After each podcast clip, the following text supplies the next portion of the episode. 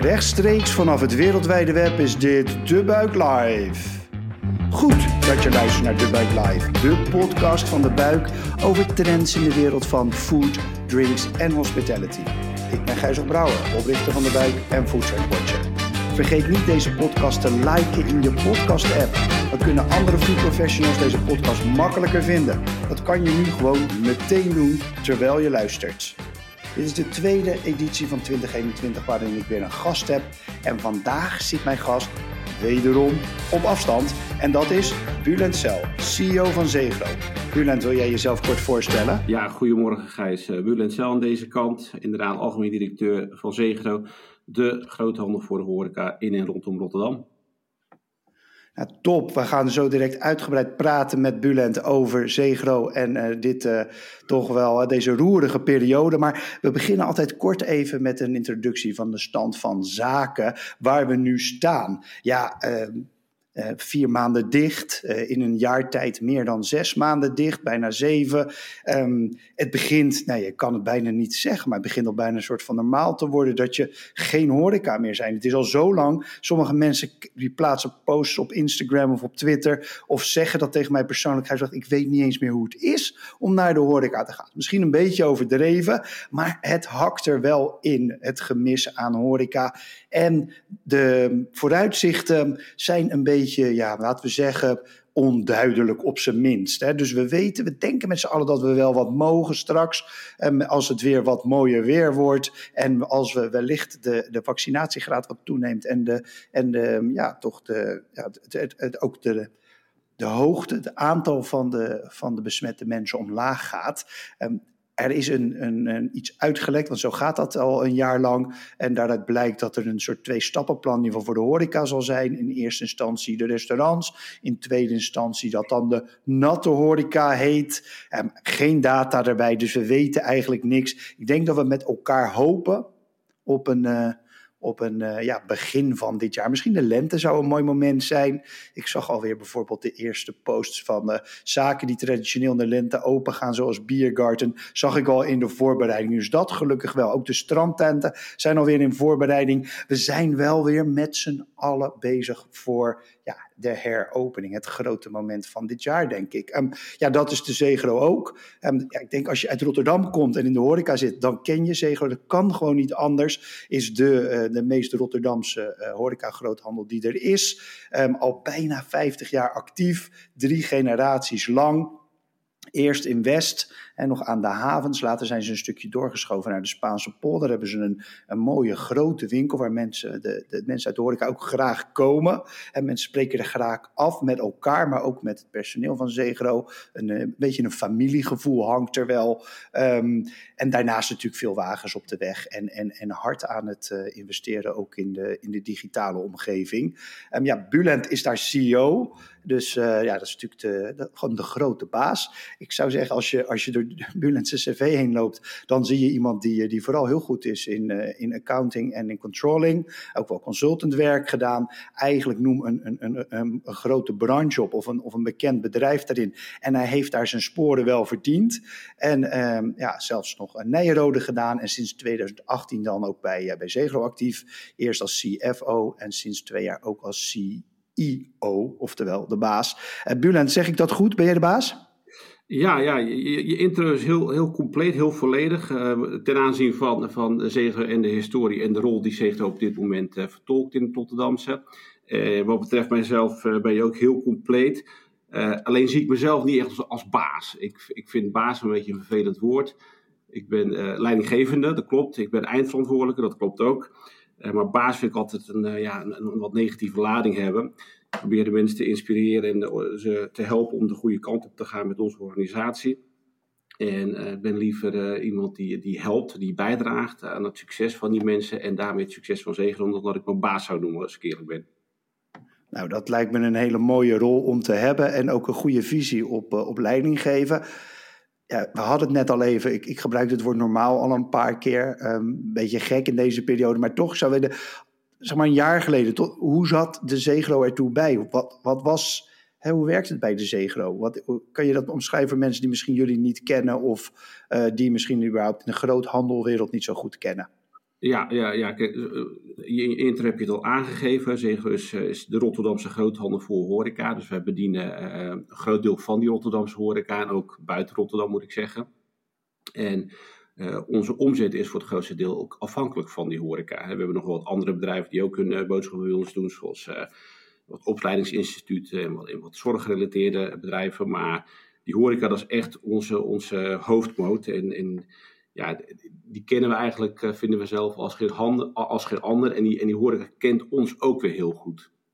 En hoe was dat een jaar geleden? Ja, eigenlijk zaten we een jaar geleden, week 5 2020 in een fase dat we denken, nou dit gaat echt een fantastisch jaar worden. Het jaar was heel goed begonnen. Uh, en dat horen ook van onze klanten toen. Uh, omzetten waren goed. Uh, ja, de, het sentiment was ook goed onder ondernemers. Ja, er was wel ergens iets van een virus gaande daar in het, in het Verre Oosten. Maar goed, ja, dat zou net als SARS van zoveel jaar geleden, dat zou waarschijnlijk wel aan die andere kant blijven, dachten we met z'n allen. Alleen op, op 15 maart veranderde de wereld natuurlijk. want dat was ook de dag. En toen waren we natuurlijk ons uh, beter doordrongen van het feit dat het niet in Azië zou blijven, maar dat het ook in Europa inmiddels was gesignaleerd. En op 15, 15 maart specifiek, uh, persconferentie van, van Rutte destijds, uh, is, de, is de wereld eigenlijk heel, heel erg veranderd voor de horeca. En, en wij hebben toen zelf het managementteam bij elkaar geroepen. Zondagavond om 8 uur zaten we hier om, om de gevolgen van, van de sluiting van die horeca met elkaar te bespreken. En uh, vanaf dat moment uh, hebben we continu gereageerd op de situatie. En, en uh, ja, soms heel onzeker, ongewis hoe dat die toekomst zou zijn, maar wel continu gereageerd op wat er gebeurde. Dus dat als je een terugblik zou maken op, op nu een jaar geleden, was dat de situatie waar we ons in bevonden. Ja, dus je kwam van iets van, ja, eigenlijk een, een, gewoon een heel goed aanlopend jaar. En, en ja, toch nog een beetje donderslagachtig gevoel. en toen u hoeft niet het hele jaar te omschrijven, maar kan je, kan je een paar punten uh, noemen van 2020 die je echt bijgebleven zijn? Nou, specifiek die, die 15 maart, hè, dat, dat was de dag dat die aankondiging kwam. Uh, vanaf die dag uh, is, het, is, is de wereld er anders uitkomen te zien. en eigenlijk leefden we steeds van drie weken, vier weken vooruit, steeds in, in een aantal weken vooruit kijken naar de eerstvolgende persconferentie idee was eigenlijk, ja, dit zal misschien wel met een week of zes of acht wel een keer over zijn. Maar dat was natuurlijk niet zo. Elke keer werd er weer een, kwam er een verlenging bij tot en met, uh, tot en met een, uh, ja, hoor ik een lockdown. En uh, uiteindelijk richting 1 juni kreeg men toch weer hoop, hè, want 1 juni is de horeca weer open gegaan. En ja, we hadden een goede zomer. En het leek ook even alsof, alsof de zorgen die we hadden, alsof die echt verdwenen waren. Ondanks het feit dat natuurlijk die tweede golf aangekondigd was voor het najaar. Maar die leek, die leek eigenlijk ver weg. En uh, ja, het sentiment onder ondernemers, onze klanten, was ook heel goed. Ja, totdat het weer september werd en, uh, en, en de verscherping eigenlijk volgde. Hè? Dus de beperkingen die in de horeca werden opgelegd. Uh, in zowel groepsgrootte, maar ook het sluiten van de zaken. Eerst één uur, later tien uur. om uiteindelijk maar in, in oktober, halverwege oktober, de boel weer dicht te gooien. Met het vooruitzicht dat het in december waarschijnlijk voor de kerst nog wel weer open zou gaan. Ja, dat, dat is natuurlijk ook niet gebeurd. Uh, dus wat je eigenlijk, als je terugkijkt op 2020, is je hebt, je jezelf door het jaar heen gesleept. Steeds met hoop dat het, dat het beter zou gaan, dat het beter zou worden. En, en die hoop hebben we natuurlijk nog steeds, hè, ondanks het feit dat we inmiddels in 2021 zitten en in februari al. Die hoop die hebben we, die houden we. Uh, maar het is, het, is wel, het is wel een lange adem hebben. Jullie hebben een, een bedrijf, jij zei dat net al, wat voor grotendeel afhankelijk is van de horeca. Nou, bij de horeca zien we een beetje afhankelijk van of je nou echt in de, in de hoek van, van traditioneel bezorgen zit of, of, of uh, bedrijven die dat goed kunnen, zoals in de, in de pizzahoek of in de sushihoek, versus de gewone traditionele sit-down, lekkere, uh, rustige horeca, dat er gewoon enorme uh, ja, verliezen, kan je gewoon zeggen. Maar als je alleen al in termen van omzet kijkt, soms uh, min, min 50, min 70, min 80 omzet, dat kan anders dat, dat jullie dat ook heel erg raakt. Hoe gaat het bij jullie op dat niveau? Ja, ja uiteraard. Hè. Ik zeg ook wel eens, wij zijn, wij zijn de optelsom van, van die horeca in, in dit gebied. Uh, wij zijn uiteraard ook ontzettend geraakt. Onze, onze omzet is uh, traditioneel voor 80% uh, komt die uit de bezorging en voor 20% uit, ons, uit onze zelfbedieningsgroothandel. de omzet van die winkel is eigenlijk nagenoeg gehandhaafd gebleven. Echter, de omzet uit bezorging, die heeft echt wel een, een flinke tik gehad, waarbij we zeker zo'n 40% vorig jaar kwijt zijn geraakt. En, en ook nu nog steeds kunnen we over dat soort getallen spreken. Dus ja, dat, dat geeft een enorme tik. we hebben ook helaas vorig jaar op die omzetdaling moeten reageren door, door een reorganisatie door te voeren. Dat was vorig jaar mei, juni. En in de historie van, van dit bedrijf was dat nog niet eerder voorgekomen. Zegel is een familiebedrijf en ja, afscheid nemen van mensen doe je niet zomaar. Hè. Je, je probeert altijd een oplossing te zoeken. Maar door, uh, ja, door de tik die we kregen, hebben we helaas uh, vorig jaar van, van 40 collega's afscheid moeten nemen. Dat waren mensen met contracten voor onbepaalde tijd en een aantal bepaalde tijd contracten die niet, die niet verlengd werden. Dus dat, dat, dat, is, dat is de impact wel geweest op onze organisatie vorig jaar. Klinkt heftig en ik ben ook bekend met de Zegro-sfeer. En heel herkenbaar ook wat jij zegt over hoe, ja, hoe dat als familiebedrijf leeft. Um, wat ik ook ken van jullie is hoe, eigenlijk hoe dicht jullie op, de, op jullie eigen klanten staan. Um, wat merk, als je dat zou willen, ja, het is natuurlijk heel brede branche, dus het is een moeilijke vraag, maar wat valt jou op aan jullie klanten? Ja, wat, wat mij vooral opvalt is, is, is de trouw van onze klanten. Als je het hebt over uh, en, en, uh, en horecaklanten in, in het Rotterdamse. Ehm, de, ik zeg ook wel eens, de Rotterdammer is, het de grootste chauvinist die je kan vinden in Rotterdam, in, in Nederland. Dus Rotterdammer koopt ook graag bij een Rotterdammer. Dat helpt ons natuurlijk. Dus we, we, we ervaren heel veel klantloyaliteit. Uh, maar we geven dat ook terug aan onze klanten. Dus we proberen ook met onze klanten mee te denken, juist in deze moeilijke tijden. Hè. op, op 15 maart, toen de boel dichtging, zonder bij veel klanten ja, toch wel openstaande post richting ons uit. Die we niet direct hebben opgeëist in de weken daarna. We hebben continu gezocht naar een oplossing om samen met die klant door die moeilijke periode heen te komen. En dat doen we nog steeds. Dus ja, uh, we krijgen trouw van klanten, loyaliteit, maar we geven dat ook terug. En uh, ik denk dat dat ook dat dat nodig is om, om, een, om een relatie langdurig en duurzaam te kunnen maken. Dus uh, ja, zo zou ik onze klanten wel willen omschrijven. En het zijn ontzettend harde werkers in een hele lastige periode. En dat geldt net zo goed voor ons, maar ik heb toch het idee dat we er samen met elkaar uit gaan komen. Mooi gezegd. Um, de, de, rol van de groothandel is natuurlijk altijd twee kanten uit. Aan de ene kant heb je de, heb je de klant, aan de andere kant natuurlijk hè, jullie, jullie leveranciers en, en, relaties en partners. Um, daardoor zit je eigenlijk ook op een soort, ja, jij, jij kan bijna de hele markt overzien, zou ik willen zeggen. Wat hoor je van de andere kant van het veld? Nou, als, je, als ik in die keten naar boven opschuif, dus naar onze leveranciers, ja, daar zijn er een aantal die het ook lastig hebben. Uh, er zijn er ook een hoop die heel begripvol zijn geweest, hè, dat nog steeds zijn ook, ook naar ons toe, maar ook naar andere horeca groothandels, waarbij er in 2020 uh, eh, voorraden terug konden op bepaalde delen uh, afgeschreven werden zonder dat je dat hoefde te betalen. Dus daar is ook wel begrip geweest vanuit, vanuit die keten als ik kijk opzij naar, naar, naar collega-groothandels, zoals binnen onze, binnen onze inkoopcombinatie, dat is de Horesca, uh, dan zie ik eigenlijk een wisselend beeld. Hè. Er zijn een aantal groothandels uh, die heel vergelijkbaar zijn met ons, met, met, met dezelfde uitdagingen. dus een, een, flinke omzetterugval en, en dat proberen met elkaar op een goede manier op te lossen. Maar er zijn ook groothandels die zich heel erg gericht hebben op wat wij dan noemen de onderkant van de markt. Hè. Dus dan heb je het eigenlijk over de snackbarren en, en ja, de kleinere zaken met eenvoudige gerechten. Dat die eigenlijk uh, niet eens zo heel veel last hebben gehad van, van die crisis. Hè. Dat ze wel wat omzetverlies hebben gehad, maar niet zo, zo, uh, zo groot als dat wij dat hadden. Of vergelijkbare groothandels met ons dat hadden. Dus dat is wat, ik vooral terugzie in het veld ja, bij collega-groothandels en, en leveranciers vooral. Nu sta je uh, eigenlijk op een soort um, ja, We, hebben, we zitten er bijna een jaar in. Um, het is nu, nou ja, ja, je zei we leven van, van, van, van maand naar maand ongeveer, denk ik heel herkenbaar. Wat is nou je, eigenlijk je, ja, je plan met, met Zegro voor komend jaar? Hè? Dus, dus hoe, hoe sta je er nu in? Ja, ja hele goede vraag, uh, Gijs. Uh, we moeten eerst door deze nog steeds moeilijke fase heen komen. En zoals jij er net al in je intro aangaf, er, er is wel hoop. Hè? Er, er gloort weer wat licht. Er is een soort van stappenplan wat, wat, wat uitgelekt is. En, en hou me er toch aan vast. En uh, ik denk namelijk dat de horeca ook weer open zal gaan in het voorjaar. En dat dat ook weer op een beperkte manier zal zijn. Dat het een slow start wordt met, met beperkingen in groepsgrootte en, en openingstijden. Maar ik denk dat straks als, we, als er een groot deel van, van de bevolking gevaccineerd is.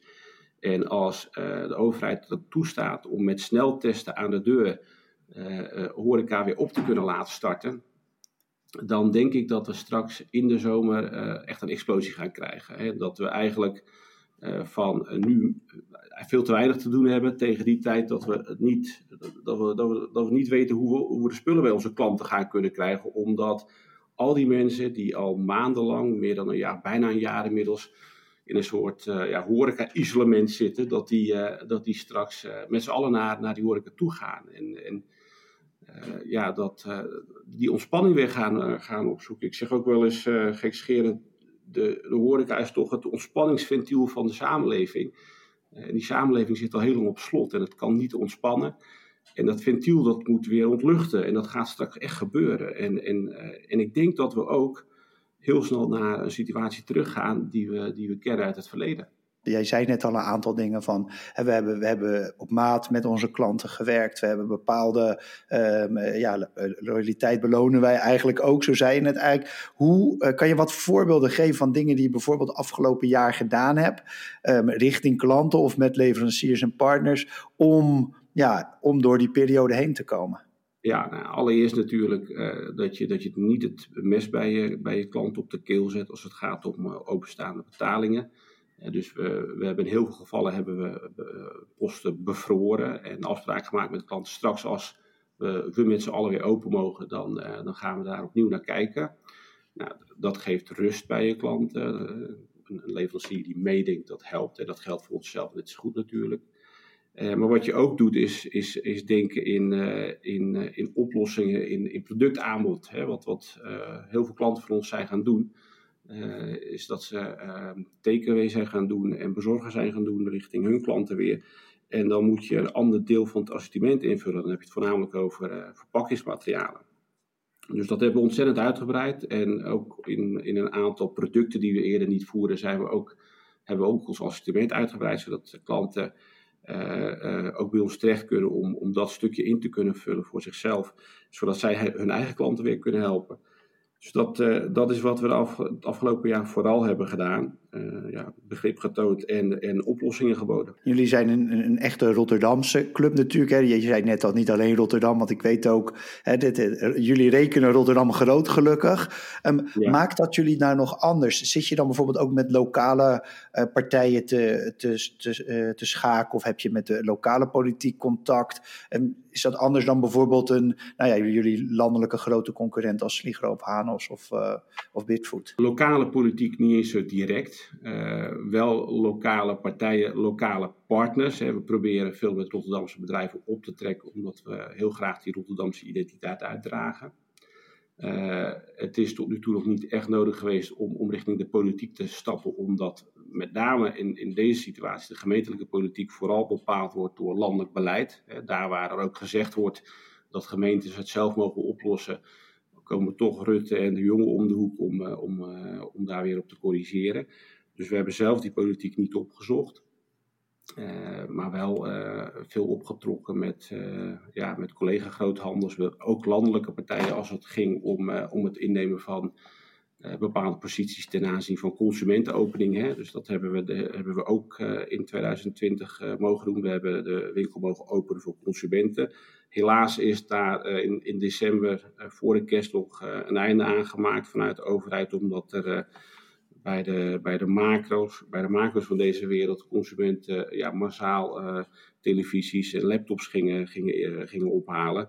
Waardoor er toch weer onnodig veel drukte was in de winkel. Dus dat dat is uiteindelijk is, uh, is, dat, is dat gestopt uh, voor de kerst. Uh, dus dat is wat, wat, we, wat we met name de afgelopen periode hebben gezien, politiek gezien. Wat natuurlijk deze periode vraagt ook wat. Hè. Het vraagt wat van, van, van de branche, het vraagt wat van van de overheid ook misschien. En er gebeurt van alles, maar er gebeurt ook een hoop niet. Heb jij nog bepaalde dingen waarvan je zegt van nou, dat zou nu gewoon eens moeten gebeuren? Of daar mag wel eens wat meer aandacht voor zijn? Nou, het, het woord perspectief is het toverwoord geworden natuurlijk. En ik vind dat de overheid daar een taak heeft. De overheid moet ook perspectief bieden. De overheid moet met een plan komen. En de overheid moet duidelijk communiceren. Maar daarnaast vind ik ook dat, uh, dat de overheid, zeker als je kijkt naar horeca en, uh, en, en, en de rol van pandeigenaren, dat de overheid daar ook uh, een, een, een, positie in moet nemen. Want de hele keten probeert die horeca te helpen. Hè? Dus leveranciers proberen dat te doen. er zijn ook pandeigenaren die heel begripvol zijn, maar er zijn ook ook pandeigenaren die dat niet zijn, waardoor straks als de horeca weer open gaat, misschien alsnog een, een, een hoop uh, horecazaken niet gaan redden. Omdat dan ook een grote schuldenlast op ze afkomt. Uh, inhaal van huur bijvoorbeeld. De overheid zelf heeft natuurlijk belastingen opgeschoven. Uh, maar moet daar denk ik nog wel wat soepeler in worden. En moet die termijn waarin dat die belastingen terugbetaald moeten worden. misschien nog wel verder oprekken. dus ik denk dat we zowel als keten een rol hebben om, om die horeca overeind te houden als dat de overheid zich daar actiever eh, mee moet gaan bemoeien. En, en zeker richting die pandeigenaren, denk ik.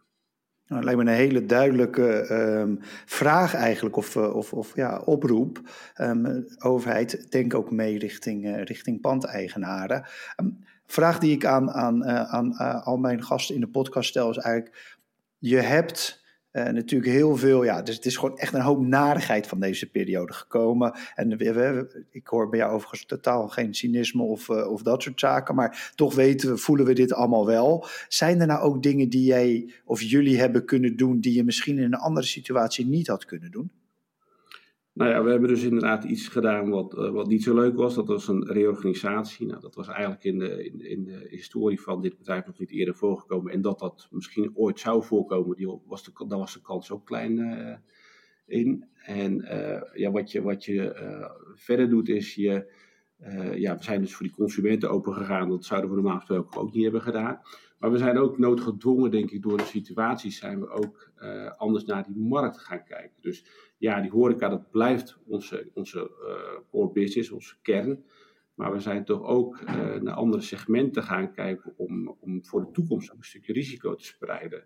Zo kijken we bijvoorbeeld naar de institutionele markt. Zo kijken we ook naar de, de, de wereld van, van de snackbarren. En, en ja, eigenlijk wat, wat niet direct onze focus heeft gehad, waar we nu wel serieus naar kijken, omdat we ja, ervan overtuigd moeten zijn dat mocht er eens een keer weer iets, weer iets gebeuren wat, wat deze impact heeft, dat we dan onze, onze risico's gespreid hebben. Ja, dat is toch, toch een, eh, een mooi extraatje wat je dan als, ja, uit deze periode meeneemt. Mijn ene laatste vraag aan jou is ook eentje die ik aan iedereen stel, is um, je zei net al, je, je, je, gaf, je schetst al een, een, beeld van hoe je denkt dat het weer open gaat. Maar als je nou eens iets verder de toekomst in kijkt. En je hoeft geen glazen bol te pakken, maar zitten we nog in de goede branche met z'n allen? En hoe zie jij de toekomst? Ja, horeca zal altijd blijven bestaan. En, en uh, het zal een transformatie ondergaan. Daar ben ik wel van overtuigd. Maar ik, ik, ik denk wel dat we uiteindelijk met z'n allen ook wat teruggaan naar een situatie die we kennen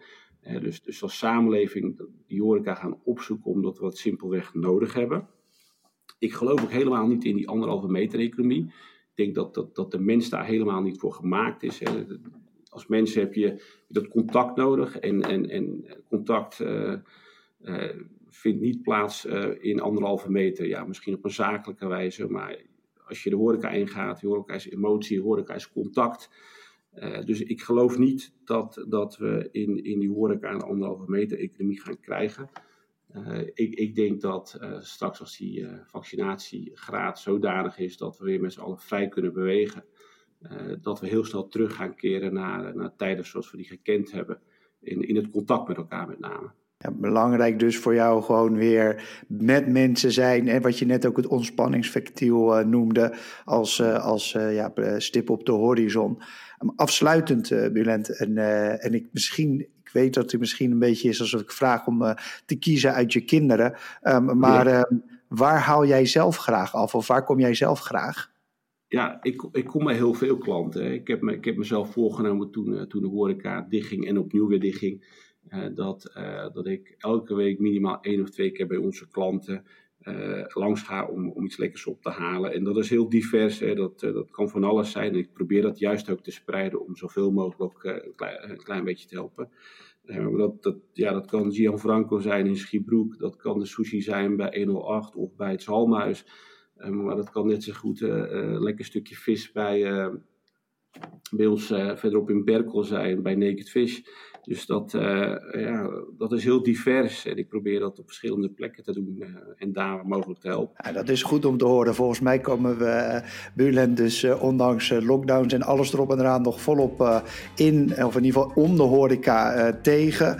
Um, Buurland, mag ik jou hartelijk bedanken voor, voor het aanwezigheid in mijn podcast. Heel graag gedaan. Nou, jij bedankt voor de uitnodiging.